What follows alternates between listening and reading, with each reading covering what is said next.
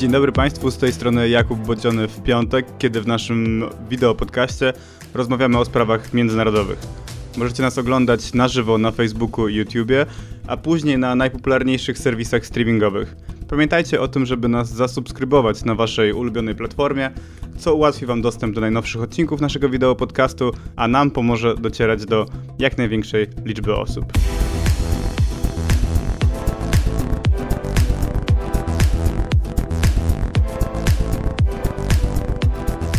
Dzisiejszym tematem jest temat e, polsko-zagraniczny, bo od kilku dni trwa kryzys humanitarny na granicy właśnie polsko-białoruskiej.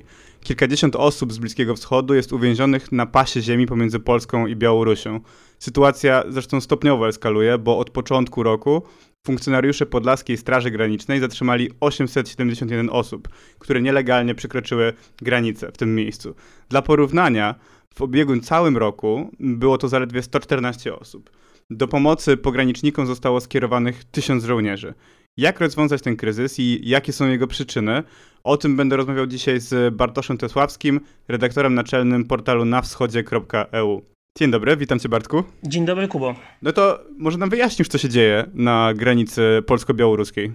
Na ten moment na granicy polsko-białoruskiej dzieje się dokładnie to, co jeszcze niedawno działo się na granicy białorusko-litewskiej. To znaczy mamy do czynienia z narastającym napływem migrantów, którzy to migranci przedostają się z terytorium Białorusi, e, są podwożeni przez białoruskie służby czy, czy firmy, które się tym zajmują pod granicę i przepychani delikatnie na terytorium Unii Europejskiej. Jest to wykorzystywane z jednej strony przez, przez władze w Mińsku jako forma wywarcia nacisku na Unię Europejską, z drugiej strony jako sposób pozyskiwania bardzo cennych dla, dla władzy dewiz, czyli po prostu pieniędzy.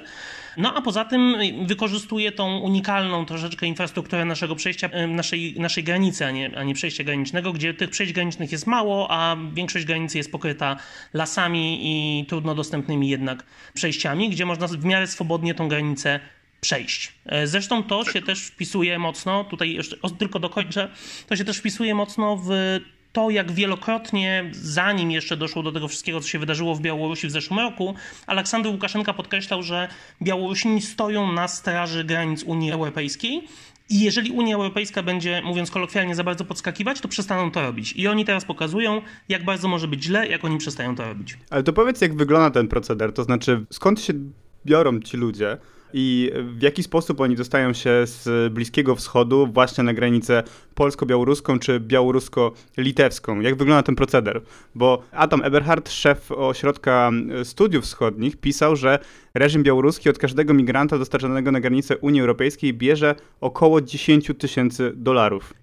Tak, owszem, takie informacje do nas docierały za sprawą śledztwa jednej litewskiej dziennikarki, której sobie nazwiska teraz nie przypomnę, ale te informacje potwierdzał innymi też Narodowy Zarząd Antykryzysowy Pawła Łatuszki, który mówi, że Białoruś zrobiła z tego biznes, to znaczy, żeby znaleźć sposób na to, żeby upiec te dwie pieczenie na jednym ogniu, o czym wspomniałem przed chwileczką, po prostu wysłała swoich e, pośredników. Tym się zajmują bodajże nawet oficjalnie biura turystyczne należące do, do jakby władz państwowych w, w Mińsku, które wysyłają oferty, że można się przedostać do Unii Europejskiej za właśnie określone, określone pieniądze i oni to wszystko organizują. To znaczy do niedawna jeszcze ci ludzie, z którymi mówiąc brzydko borykała się Litwa, to byli przede wszystkim Irakijczycy. To nie byli, to nie byli obywatele Afganistanu, tylko to byli głównie Irakijczycy, którzy dostawali po prostu od pośredników propozycję przedostania się, wydawali na to, no, jak sam wspomniałeś, 10 tysięcy dolarów. To podejrzewam, że kwoty mogły się wahać tutaj.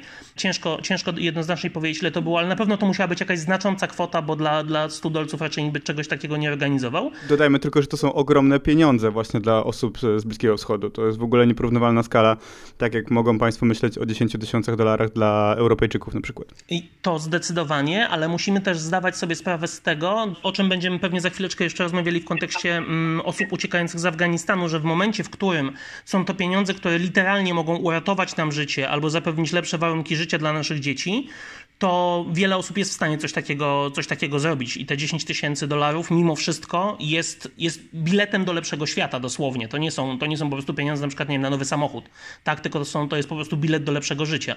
Więc tych jakby migrantów z turystów, tak to nazwijmy, z e, Iraku transportowało się oficjalnie samolotami do Mińska. Tam oni otrzymywali wizy turystyczne na okres dwóch tygodni, po czym autobusami podwoziło się ich pod granicę litewską jeszcze jeszcze niedawno i tam dawało się im do zrozumienia, że Litwa i Unia Europejska w tamtą stronę idźcie.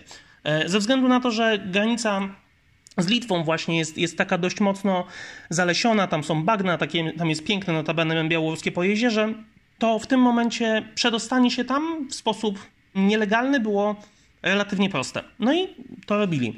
A teraz ze względu na to, że Litwini postanowili, notabene spotkali się ze sporą krytyką, ale postanowili odsyłać tych ludzi, to znaczy minister spraw wewnętrznych Litwy stwierdził, że będzie odsyłał do najbliższego przejścia granicznego, jak zostaną znalezieni tacy migranci w lesie, e, to w tym momencie, no, te najbliższe przejścia to są oczywiście w tym momencie przejścia z Białorusią. Białorusini się bardzo zdenerwowali. Aleksander Łukaszenka zorganizował e, całą taką, powiedziałbym, naradę wojenną ze swoimi strukturami siłowymi, obawiając się, że oni zostaną wepchnięci i cofnięci z powrotem e, do Białorusi, gdzie no, mogliby wywołać jakiś, jakąś formę niepokoju w społeczeństwie białoruskim z kolei. Więc w tym momencie po prostu ścieżki, jako że zamknęły się te ścieżki w kierunku litewskim, to zostały przeniesione na Łotwę oraz w naszym, w naszym kierunku. Zatrzymajmy się na chwilę przy tym, bo chciałbym, żeby to wybrzmiało i, i nie wiem, czy dobrze to rozumiem, ale mamy państwo w postaci Białorusi, które jest aktywnie zaangażowane w proces po prostu przemytu ludzi. Tak, dobrze to zrozumiałeś. To znaczy, zgodnie ze wszystkimi informacjami, które, które uzyskujemy od bardziej pracowitych dziennikarzy niż ja, jak najbardziej tego typu informacje właśnie, właśnie mamy i one się potwierdzają. To wynika z tego po prostu, że władza Aleksandra Łukaszenki jest literalnie jednoosobowa, więc jeżeli ktoś wpadł na taki pomysł, zasugerował mu go i on go zaakceptował, to to się po prostu stanie. Więc y, na ten moment, no ja przyznam szczerze, że po tym jak samolot linii Ryanair został posadzony przez, przez białoruską władzę, na ten moment nie zdziwię się właściwie już chyba niczym, co można byłoby jeszcze robić. Nie zdziwiłbym się, gdyby na przykład na granicy e, z Unią Europejską pojawiły się zaraz bardzo liczne dostawy narkotyków przemycanych z Afganistanu, żeby też po raz kolejny podkreślić, że zagrożenie jest, jest duże, jeżeli Białoruś nie strzeże naszych granic. Ale to powiedz w takim razie, co chce osiągnąć Łukaszenka? No bo oczywiste jest to, że w jakiś sposób chce zdestabilizować państwa Unii Europejskiej, szczególnie w przypadku Litwy, która akurat właśnie na odcinku przeciwko Łukaszence była jednym z najbardziej aktywnych państw y, i była jest też państwem stosunkowo małym, w związku z tym ta presja tutaj była dużo silniejsza. Ale co oprócz, y, jakby czemu ta presja ma służyć? To znaczy, jakiej odpowiedzi od Unii Europejskiej oczekuje właśnie Łukaszenka? Mm, w tym wypadku Łukaszenka, mam wrażenie, chciał powtórzyć scenariusz, który miał troszkę miejsce w Turcji Natomiast o ile turecki prezydent zadowolił się po prostu dużymi ilościami pieniędzy, które otrzymuje z Unii Europejskiej, żeby ten problem migrantów i uchodźców z Bliskiego Wschodu trzymać u siebie, tak, Łukaszenka no nie liczył prawdopodobnie na to, że ktokolwiek będzie go dofinansowywał z Unii Europejskiej, ale liczył zapewne na to, że ta presja na politykę sankcyjną wobec, wobec władzy białoruskiej zostanie zmniejszona. To jest ten cel, który chce długoterminowo zrealizować w stosunku do całej Unii Europejskiej. To znaczy pokazuje nam że jest źle, może być gorzej. Wykorzystuje bardzo dobry w gruncie rzeczy e, argument, ponieważ Unia Europejska, my jako Polacy tego właściwie nie doświadczyliśmy, ale pamiętajmy, że takie na przykład Niemcy, czy Francja, czy Włochy w szczególności są bardzo zmęczone kryzysem migracyjnym i problemami, które z tego wynikają, więc oni mogą ulec takiej presji mimo wszystko, jeżeli nie dadzą rady, mówiąc brzydko, zatamować tego, tego ruchu e, migracyjnego gdzieś na pograniczu na przykład z, Afga z Afganistanem. Więc to jest ten target e, unijny, a jeżeli chodzi chodzi o target no, Polska-Litwa, fenomenalny, jeśli miałbym być takim białoruskim technokratą, fenomenalny pomysł. To znaczy mamy polskie społeczeństwo i litewskie społeczeństwo, społeczeństwa dość konserwatywne, gdzie nagle pojawia się widmo zagrożenia ze strony tych strasznych islamskich migrantów. I jedyne, co można zrobić, żeby oni do nas nie przeciekali, to oczywiście zbudować płot, to zawsze można spróbować zrobić, ale oprócz tego oczywiście dogadać się z Białorusią. I dlaczego nie w sumie, nie? W sensie za chwileczkę podejrzewam, pojawią się tego typu pomysły, y, że przecież wystarczy tylko dogadać się z Aleksandrem Łukaszenką. Rewolucja białoruska się już skończyła. O co wam chodzi? No tak, ale ty mówiłeś zarówno o roli Turcji e, wcześniej i na przykład o nastawieniu państw zachodnich, e, wspominając tutaj 2015 rok i to porównanie dosyć często pojawia się w debacie publicznej. Pytanie, na ile ono jest uzasadnione. To znaczy, teraz mieliśmy już sygnały z Komisji Europejskiej, która w 2015 i 2016 roku bardzo surowo potępiała Polskę za to, że nie chce przyjąć e, tak zwanych kwot uchodźców właśnie z, głównie z terenów Syrii.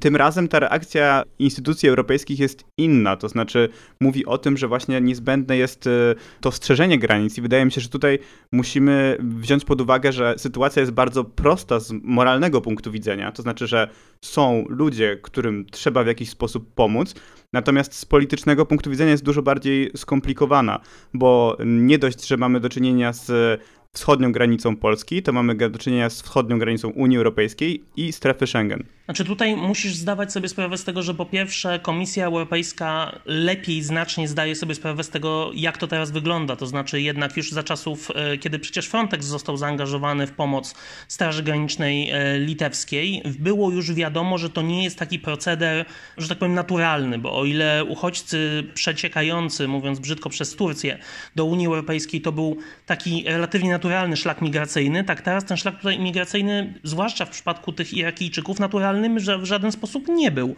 W związku z tym tutaj Unia mogła sobie pozwolić na to, żeby tą politykę swoją trochę zniuansować. Natomiast w momencie, w którym ci, tych ludzi się pojawi więcej, będziemy mieli, a na pewno będziemy mieli, bardziej dramatyczne obrazy z, z tego, co się dzieje na, na polskiej i jak sam słusznie wskazałeś, na unijnej granicy, to niewykluczone, że zacznie Unia Europejska reagować inaczej łagodniej podejrzewam w, w, kwestii tego, co z tymi ludźmi zrobić. To znaczy, że trzeba ich jednak do nas wpuścić, że nie można ich jakby też wydać na pastwę białoruskiej władzy.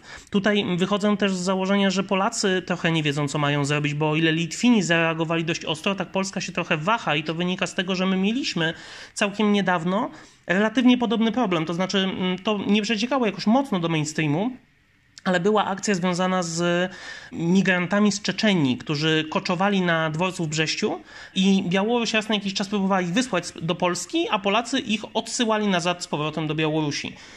I wydaje mi się, że Stowarzyszenie Interwencji Prawnej podjęło ten temat i Polska przegrała w Strasburgu, w Europejskim Trybunale Praw Człowieka. Przegrała tą, tą sprawę i musieliśmy wypłacić odszkodowania, więc teraz Polska nie jest za bardzo zainteresowana ostrą reakcją, bo boi się kolejnych, e, kolejnych tego typu problemów, no ale z drugiej strony ta presja będzie moim zdaniem tylko rosnąć i rosnąć. No tak, z jednej strony mówisz o tym, że Polska właśnie reaguje tak e, trochę pół kroku do tyłu, pół kroku do przodu, efektem czego ci ludzie bez dachu nad głową są tam już kilka dni na, na, na powietrzu. A z drugiej strony mamy tą dosyć ostrą zapowiedź, znaczy dosyć bardzo ostrą zapowiedź nowelizacji dotyczących e, wniosku o azyl lub ochronę. To znaczy, zgodnie z tym, co MSWiA planuje w nowelizacji ustawy o cudzoziemcach, tylko można będzie złożyć taki wniosek na przejściu granicznym. Przekroczenie tak zwanej zielonej granicy będzie nielegalne, czyli będzie uznane za przestępstwo. I to właśnie, zresztą o czym pisał Filip Rudnik na naszych łamach, otworzy to drogę do bezkarnego wyrzucania tych ludzi z kraju. I jest to zresztą złamanie prawa międzynarodowego, konwencji genewskiej. Z jednej strony owszem, ale z drugiej strony na tyle, na ile się orientuje, konwencja genewska gwarantuje legalne przekroczenie granicy tylko i wyłącznie do pierwszego państwa bezpiecznego. A w świetle tej konwencji, w sytuacji, w której tym ludziom na terytorium Białorusi na przykład prześladowanie co do zasady nie grozi, bo na Białorusi nie ma obecnie wojny, Białoruś jest państwem stabilnym, Białoruś jest państwem uznawanym przez ONZ, nie jest państwem upadłym, etc., etc., to w tym momencie Białoruś spełnia te warunki i w tym momencie Polska co do zasady nie ma obowiązku, przynajmniej zgodnie z moim rozumieniem, ale prawnikiem nie jestem, tych ludzi przyjmować, więc ta sprawa jest nieco bardziej zniuansowana. Natomiast tak, no, znaczy ja nie powiedziałbym, że my nic nie robimy, ja bym powiedział, że na razie władza cieszy się takim małym zainteresowaniem tą sprawą ze strony, ze strony jednak mediów, które bardzo, bardzo szybko narasta. To znaczy już dzisiaj jednak połowa Rzeczpospolitej choćby jest pokryta tym tematem, więc e, ja podejrzewam, że będzie się robiło głośno, już tam się zjechali politycy, dziennikarze, działacze społeczni, więc ten problem się momentalnie zaraz zaostrzy. Zgodnie z informacjami, które dotarły do mnie, ten projekt ustawy został podyktowany w dużym stopniu przez, przez osoby związane ze Strażą Graniczną. To znaczy, Straż Graniczna chce mieć możliwość realnego rozwiązywania problemu, najchętniej poprzez właśnie niewpuszczanie tych ludzi, to znaczy tam, gdzie oni kontrolują przejścia, czyli właśnie na przejściach, to jak najbardziej spoko, ale w tych innych miejscach to już, e, to już nie, bo po prostu albo nie mają sił, żeby to, żeby to wszystko obsługiwać, mówiąc, mówiąc brzydko, albo po prostu no, generalnie jest tak, że mundurówka co do zasady bywa bardziej ostra i radykalna w swoich rozwiązaniach niż, niż urzędnicy siedzący w Warszawie, więc, więc jeżeli ten projekt faktycznie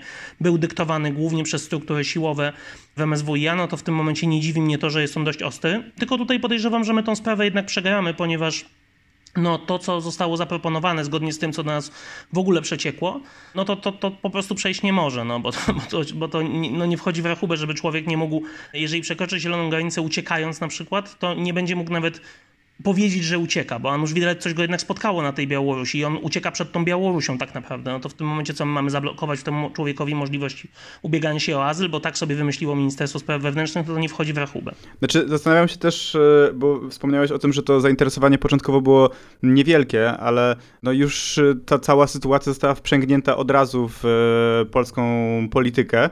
I no, tutaj trzeba pamiętać o tym, że przecież e, podczas wyborów e, z 2015 roku tą główną narracją Prawa i Sprawiedliwości była właśnie obrona przed e, migrantami, przed uchodźcami, czy stosowanie takiego języka właśnie dehumanizującego typu fala uchodźców, która nam zagraża. Oczywiście jakby nic z tego się nie okazało prawdą, natomiast tutaj uderza się w bardzo podobne emocje i też wydaje mi się rozdmuchuje się ten, ten kryzys, czyniąc go tak naprawdę większym niż on jest w rzeczywistości.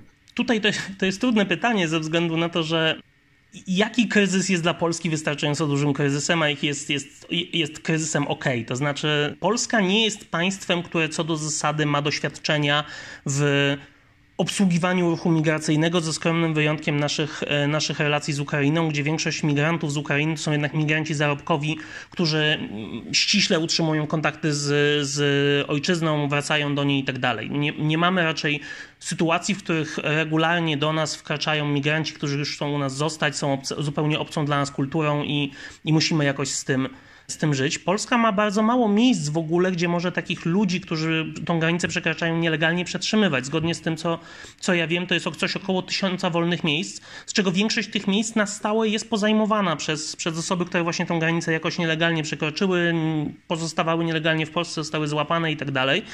My nie mamy miejsc, żeby tych ludzi utrzymywać. Zresztą dziennikarze już dotarli do tego typu informacji, gdzie podkreślano, że chyba nawet Straż Graniczna gdzieś się musiała wyprowadzić z jakichś swoich kwater, bo tam trzeba było właśnie tych, część z tych uchodźców zakwaterować. Więc dla nas kryzys migracyjny na poziomie będzie nam przekraczało tą granicę 100 osób dziennie, to już jest poważny problem, bo my nie mamy co z tymi ludźmi zrobić. A jednocześnie. No tak, ale to, to też jest w jakiś sposób absurdalne, skoro mieliśmy 6 lat, nie tylko jako Polska, ale jako Unia Europejska, na to, żeby wypracować zarówno odpowiednie mechanizmy prawne, jak i takie właśnie po prostu infrastrukturalne, to znaczy, żeby zadbać o, o te osoby, chociażby właśnie, wiemy, że zazwyczaj e, Polska nie jest docelowym krajem dla nich, tylko takim pobytem e, tymczasowym, natomiast jakby tak jak mówisz, jeśli mamy tylko tysiąc miejsc dla tych ludzi, no to znaczy, że po prostu tutaj nic nie zostało zrobione. Znaczy, wiesz, ja powiem ci to w ten sposób, kojarzę to anegdotę o tym, że kiedy y, Polska przyjęła jedną z rodzin uciekających właśnie z Syrii, to dała im y, gdzieś na Śląsku bodajże mieszkanie, gdzie mogli sobie mieszkać itd., tak itd. Tak i dali im rowery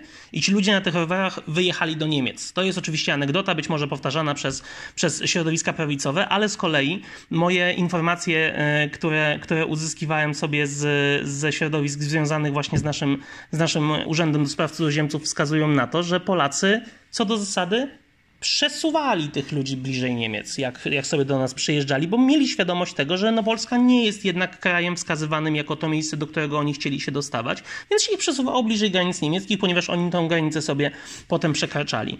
Teraz już coś takiego nie jest stosowane, zgodnie przynajmniej z tym, co, co mi wiadomo i w związku z powyższym, no tak, nie przygotowaliśmy się, ale z drugiej strony wyobraź sobie, że jesteś tym ministrem spraw wewnętrznych, masz tysiące projektów, które, które gdzieś tam do ciebie na biurko trafiają i nagle trafia ci pomysł zrobienia za ciężkie pieniądze ośrodka dla 15 tysięcy uchodźców, e, żeby można ich było gdzieś tutaj przetrzymywać. I pytasz po co?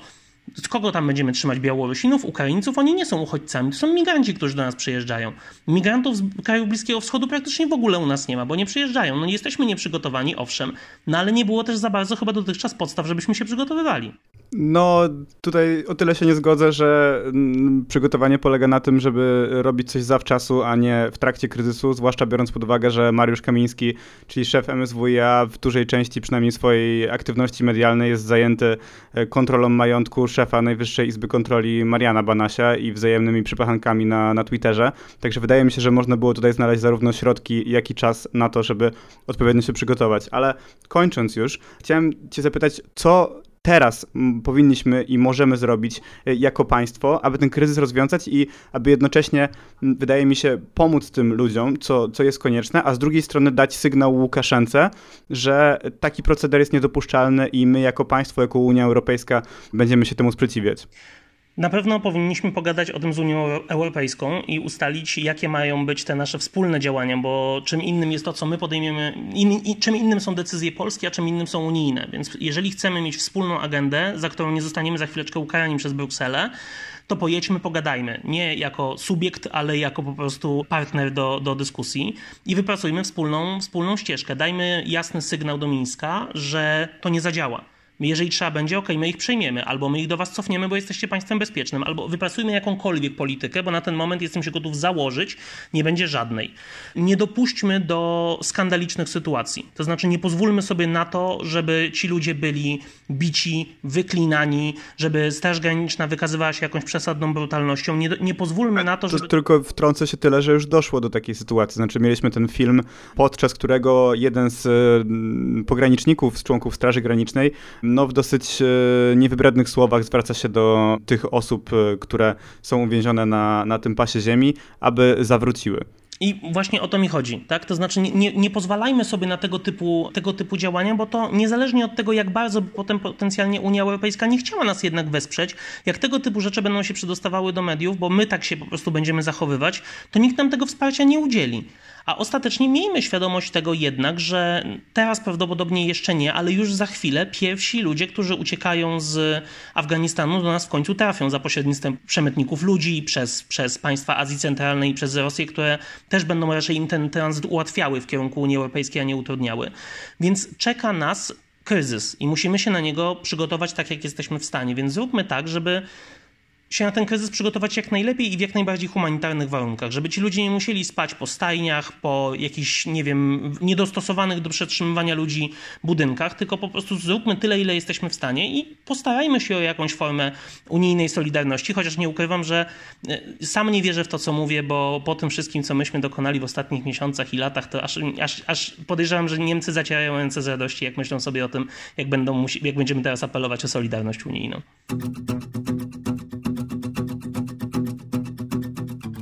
Tak jak Państwo widzą, przed nami jest bardzo wiele wyzwań. Wydaje mi się, że kluczowym jest jednak to, żebyśmy pamiętali, że mamy do czynienia z ludźmi i tak też powinniśmy i traktować, a i wymaganie tego od każdego członka naszej klasy politycznej to jest elementarna podstawa, a nie wysoko postawiona poprzeczka.